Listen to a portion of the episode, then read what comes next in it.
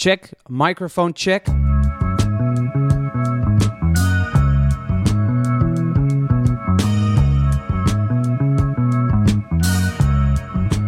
Hallo, leuk dat je luistert naar weer een nieuwe aflevering van Microphone Check. Het is eventjes geleden, Koos. Ja, het is uh, nou 2,5 week geleden. Op zich uh, netjes toch dat we het weer doen nu. Maar er is veel gebeurd. Jouw serie De Oversteek is live gegaan. Ja. Nee, ik dacht dat het misschien wel aardig is om eens uh, in een aflevering te gaan kijken van hoe jij zo'n podcast aflevering maakt. Want ja. we zeggen vaak zelf dat er niks erger is dan een podcast op te nemen met een paar mensen aan een tafel. En dan gewoon op start drukken. En na 40 minuten op stop. Bumpertje voor, bumpertje achter. En het dan de wereld in te slingeren. Mm -hmm. Ik bedoel, voor een, een hobbyproject is het hartstikke leuk. Maar als je echt de luisteraar wil vastpakken, dan moet je echt aan de slag met dat verhaal. Ja, dat klopt. En, en dat heb je best wel goed gedaan met de oversteek. Dankjewel. Neem ons eens mee hoe je dat dan aanpakt. Want je, uh, op een gegeven moment heb je allemaal interviews. Ja, ik heb in totaal 14 interviews gedaan. Uh, met uh, verschillende experts, met verschillende bedrijven die vertellen over ondernemen in Amerika. Um, Vier daarvan zijn van de hoofdsponsors. Dat zijn Rabobank, Baker McKenzie, RSM en TAPS. Um, dat is Transatlantic Business Services, een lokaal bedrijf in Amerika die Nederlandse bedrijven helpt om de oversteek te maken. En uh, verschillende experts van de bedrijven zelf natuurlijk. Hè. Beemster Kaas, Picturij, dat uh, bladeren en dossiers digitaliseert. Um, uh, Red Oyster, een bedrijf dat op echt van die high-end feesten oesters serveert. Um, en die heb ik allemaal geïnterviewd, inderdaad. 14 mensen. En die komen allemaal terug in de verschillende afleveringen. Dus per aflevering is er een bepaald thema. Uh, sales of culturele verschillen of uh, uh, taxes, hè, belasting en verzekeringen, werkgeverschap. Of waarom je überhaupt de oversteek zou moeten maken. En elk persoon speelt een rol in bepaalde afleveringen. En, maar hoe bouw je dan zo'n verhaal op? Want je gebruikt ook veel muziek. Mm -hmm. uh, je gebruikt ook quotes uit films.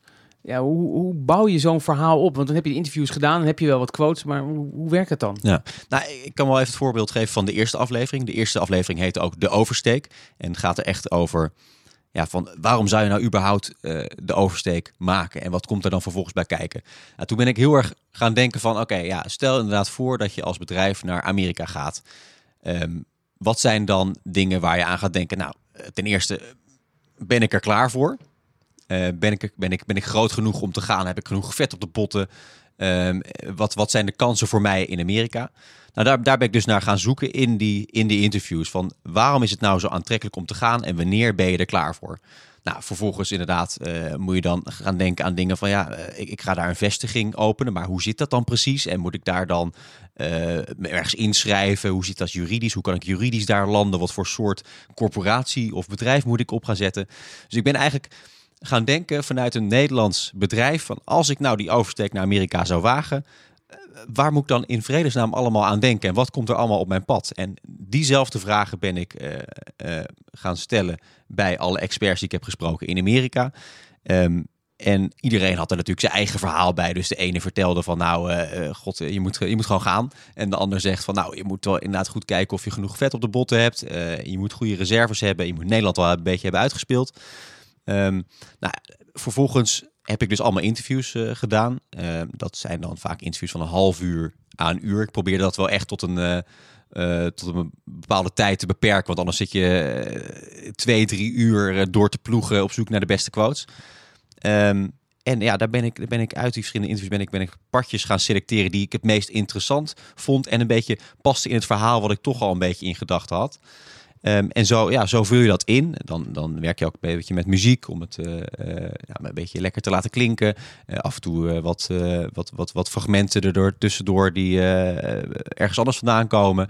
Um, en ja, op, op een gegeven moment ben je een beetje aan het bouwen. En dat, dat ontstaat ook een beetje organisch hoor. Het is niet zeg maar dat je van tevoren precies hebt gedacht van nou dit is het script en ja. dit moet er gezegd worden. Maar je bent aan het bouwen, je hebt al een beetje een idee bij het verhaal. En langzaamaan ontstaat er dan uh, een podcast van ongeveer 20 minuten waarin je dus het hele verhaal vertelt met uh, drie, vier, vijf of zes verschillende sprekers. Wat ik wel interessant vond, in het begin uh, kwam op een gegeven moment dit fragment langs. En als het niet de mensenmenigte of die piepende metro is, is het wel een blaffende airco in een hoog kantoorgebouw. That's way for a bit. No, that's the air vent. It's the air vent. Yeah, Do I can't do anything uh, about that. Do you think it stays like this? Yeah, there's It's louder than before, right? Yeah, it just, it just, I think it just switched on. Yeah. Ja, ik voel me af, waarom heb je dit erin gevoegd? Want ja, de oversteker gaat niet over ventilatoren, toch? Nee. Nee, Ja, is, maar, het, is het dan komisch of hoe hoe bedenk je dan zoiets? Nou, eh, wat, wat ik in Amerika eh, al vrij snel merkte, is dat het altijd rumoerig is om je heen. Dus waar je ook bent, met wie je ook spreekt, er is altijd een soort van geluid eh, op de achtergrond. Eh, zeker als je natuurlijk in een cafeetje eh, elkaar ontmoet. Maar ook zelfs in de kantoorpanden is er nergens een moment dat je denkt van nou, hier is het even lekker rustig. Dat bestaat om, Nee? dat bestaat gewoon nee. Het is, en dat komt natuurlijk gewoon, er is veel bedrijvigheid. Er zijn veel mensen aan het werk, er is sowieso rumoer. Maar het zijn ook altijd die, die airco's, die staan er als een malle te blaffen altijd. Ik weet niet of je wel eens naar Amerikaanse series kijkt, maar als ze ook thuis een airco hebben, dan is het een soort van, van, van grote box. Die, die, die plempen ze dan zo in het raam. Dan doen ze die schuif naar beneden. En dat is dan de airco. En dat, dat, dat, dat bromt enorm, dat blaast enorm. En in die kantoor, ik weet niet wat het is, is het gewoon hetzelfde. Er staat altijd op de achtergrond keihard een airco te blazen. Nou, dat, dat, dat, dat had ik dus al vrij snel door toen ik in Amerika was en al die interviews eh, afnam. Ehm, en op een gegeven moment was ik dus bij Susan Combs, eh, van Susan Combs eh, Verzekeringsadvies, eh, vrij vertaald. Ehm, en die ehm, eh, ging ik interviewen voor de aflevering Verzekering en Belastingen. En ik was nog geen seconde bezig en ik hoorde al een beetje die airco op de achtergrond. Maar op een gegeven moment ging die gewoon een standje hoger. Dus van ging hij naar... Dus hij ging echt vol en vol aan. Dus eh, ik, ik, ik vroeg er gelijk van, god, eh, houdt dit nog op? En zei ze, nee, dit is, de airco. eh, dat werkt nou eenmaal zo. En toen zei ik van, ja, is het, eh, het is voor mij wel eh, wat harder dan eerst. Ja, maar goed, eh, we moeten maar mee doen. En ja, goed, ik, ik, ik vond het zo- eh, zo'n zo'n tekenend voorbeeld voor alle interviews die ik had. Eh, En ik heb natuurlijk na afloop eh, ook in, het, in, in, in Audition, Adobe Audition, het programma dat we gebruiken om de audio te monteren, altijd als eerste de, eh, de airco op de achtergrond weg moeten halen. Voordat ik een beetje een, een lekker hoorbaar stukje audio had. Ja, maar kan dat? Dat kan inderdaad, ja. Je kan inderdaad dat, dat een stukje audio selecteren waarin je alleen dan de airco hoort of een ander achtergrondgeluid. En dat filter je vervolgens weg. Maar het is altijd nog wel een beetje gepiel, want als je dat weer een beetje te veel doet, eh, als je te veel weghaalt, dan, dan verandert de stem ook. Hè? Want dan, dan, dan ver- veranderen de, de, de lage tonen in iemands stem veranderen ook mee. Dus je moet altijd een beetje een evenwicht vinden van, ja, die ruis is er misschien nog wel een beetje, maar misschien net niet hoorbaar. Ehm, en ja, je wilt toch iemand wel zo laten klinken zoals hij zelf klinkt. Dus het is altijd een beetje, beetje zoeken. Ehm, maar goed, dat was voor mij zelf was het een, een, een, een, best wel treffend eh, voorbeeld van, van alle interviews die ik had gevoerd in, in Amerika. En ik dacht, het is, het is wel leuk om daarmee te beginnen. Want in het begin van die aflevering begin ik ook over de ruis. Hè? New York, stad waar altijd maar die ruis is op de achtergrond. Maar dat is natuurlijk ook die bedrijvigheid. Dat, is, Ja. dat, is, dat staat ook voor ondernemen. Ja, hè? ja. Altijd maar die drukte. Ja, leuk. Ik vond ook de muziek vond ik leuk.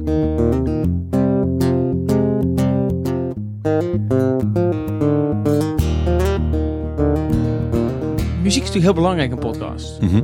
Eh, dat zet toch echt de toon. Hoe, wa- wat voor een idee had je bij die muziek? Want je had ook bijvoorbeeld eh, blazers kunnen kiezen. Of waarom ben je bij deze muziek uitgekomen? Nou, ik heb voor de muziek heb ik mijn een broertje Daniel gevraagd om het te componeren.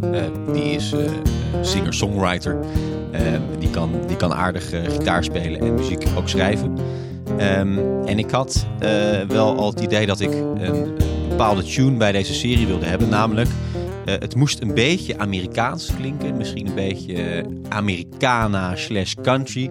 Maar ik wilde ook weer niet ja, een beetje Sweet Home Alabama-achtige tune hebben. Zodat je denkt, van, dit is weer, eh, weer zo'n zo, zo standaard Amerikaanse toinke, toinke, toinke. En zo'n, eh, zo'n ja, ik kan je een beetje voorstelling bij maken. Dat je zo Ja, echt zo, ja, zo ja. country gitaar riffje Tonke, waarbij je denkt van, ja.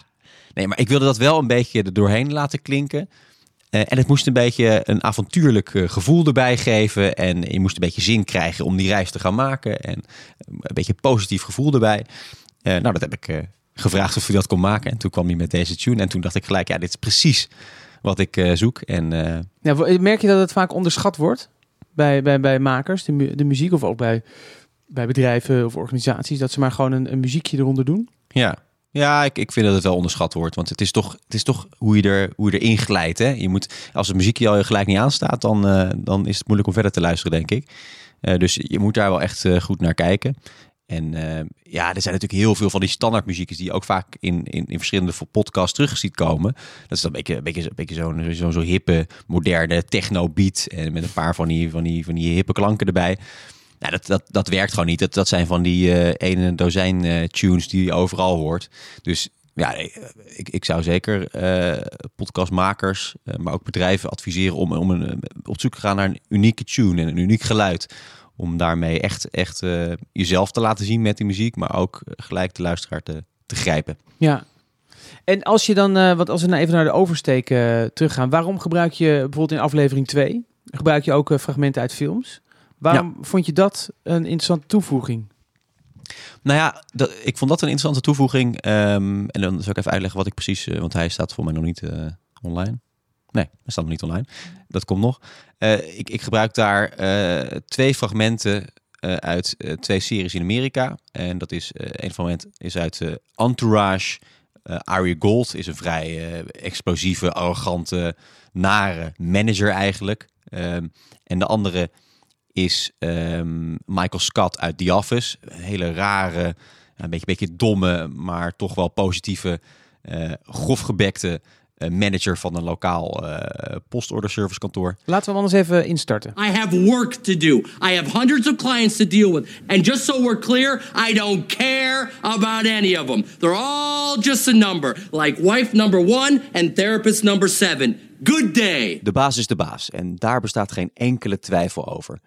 Maar gaat het echt zo ver als we zien in de series op Netflix? Moet je echt zo'n kort lontje hebben als Ari Gold uit Entourage? Of moet je echt zo banaal zijn als Michael Scott uit The Office? I will no longer ever do any of those things. Does that include that's what she said?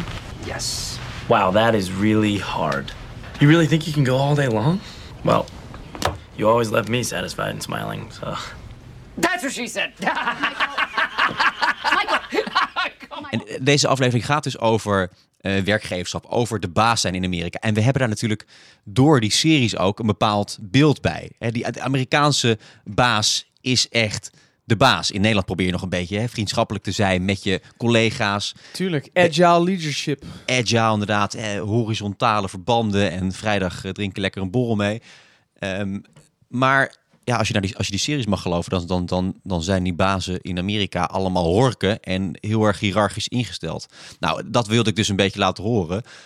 Maar wat dan vervolgens ook blijkt, is dat in Amerika de, de, de, de, structuur. De, de, nou ja, ik wil niet zeggen dat, dat, dat, dat het allemaal horken zijn. Maar er is inderdaad wel zo'n hiërarchische structuur. Als de baas iets wil, dan, dan gebeurt dat ook. En eh, tijdens een vergadering kun je allemaal verschillende soorten meningen hebben. Uh, maar uiteindelijk zegt de baas, nou, ik vind dat de beste mening, dat gaan we doen. En uh, ja, dat, dat, dat, ik wou, wilde graag laten zien dat, dat na stereotyperingen die we hebben van Amerika soms ook wel gedeeltelijk kunnen kloppen. Misschien in een enigszins uh, afgezwakte vorm dus. Maar niet alles wat je op Netflix ziet is onwaar. Ja. Dus de volgende aflevering staat donderdag online? Uh, donderdag, ja. Half negen. Um, aflevering 2 van de oversteek over de baas. Oké, nou ik vind het wel interessant om te horen, omdat uh, vaak uh, wordt zo'n podcast online gezet, maar weet je nooit echt hoe het nou gemaakt wordt, wat een beetje het idee erachter is. Dus ik vind het zeker leuk om te horen. Wil je nou niks missen van Microphone Check en van uh, onze avonturen, wat wij meemaken op dit gekke podcastavontuur? Abonneer je dan via iTunes of Spotify en dan mis je helemaal niks.